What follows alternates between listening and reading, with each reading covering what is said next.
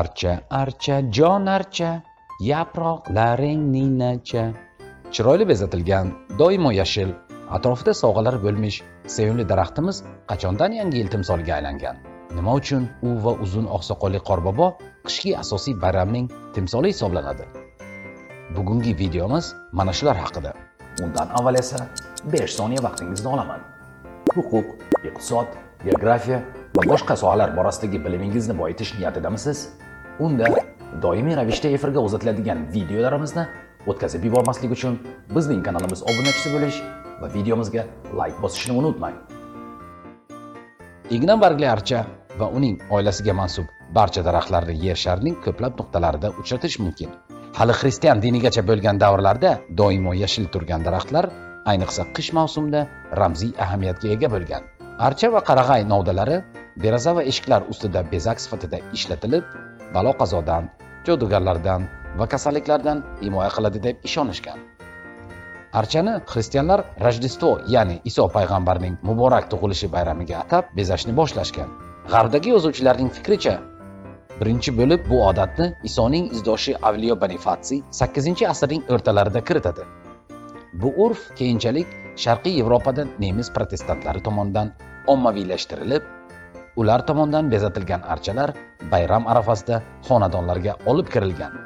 19 asrning ikkinchi yarmidan boshlab barcha boltiq bo'yi davlatlari va germaniyaning ayrim yuqori qatlam aholisi ichida archani bezatish odati ommaviylashishni boshlaydi. Shunday bo'lsa-da katoliklarning ilohiy markazi bo'lmish vatikan birinchi marotaba archani faqatgina 1982 yilda o'rnatadi. Sobiq ittifoq davrida esa archa bezatish din taqiqlanganligi bois yangi yil timsoliga aylangan. Yangi yil bayramining eng asosiy qahramoni esa bu qorbobodir aslida afsonaviy qahramon xristianlarning rojdestvo bayrami timsoli bo'lmish santa klaus yoki avliyo nikolayning ertak va hikoyalaridagi vatani laplandiya hisoblanadi. Aytishlaricha avliyo nikolay katta yurakli saxiy inson bo'lib kambag'allarga har doim yordam bergan. U haqida hikoyalar juda ko'p. Ulardan eng mashhuri bir kambag'al bevaning uch qizi bo'lib ularni turmushga berish uchun bitta qizini sotib yuborishga majbur bo'ladi.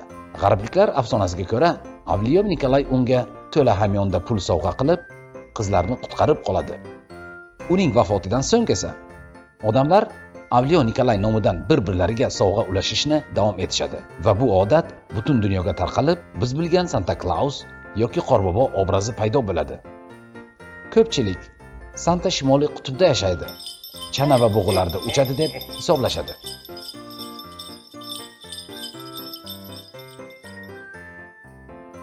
Har xil karikaturachi va yozuvchilarning yordami bilan santaning obrazi turlicha o'zgarib u nisbatan semizgina oq soqolli bolajonlarning yaxshi yomon harakatlarini yozib boradigan bobo obrazidagi qahramonga aylangan.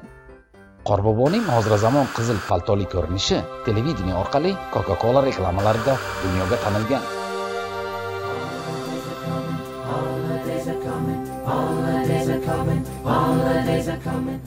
Shu o'rinda ta'kidlab o'tish joizki agar santa klaus tirik va mavjud bo'lganda u 1750 yoshda bo'lar edi. Kim? Qorboboni mavjud emas dedi. U har bir ezgu ishingizda va ulashgan sovg'alaringizda yashaydi. Qorboboga xat yozish an'anasichi qayerdan kelib chiqqan deb o'ylayapsizmi? Bu esa umuman boshqa mavzu. Bizni kuzatishda davom eting va layk bosib kanalimizga obuna bo'lishni unutmang. Savol va mulohazalaringizni video ostida qoldiring.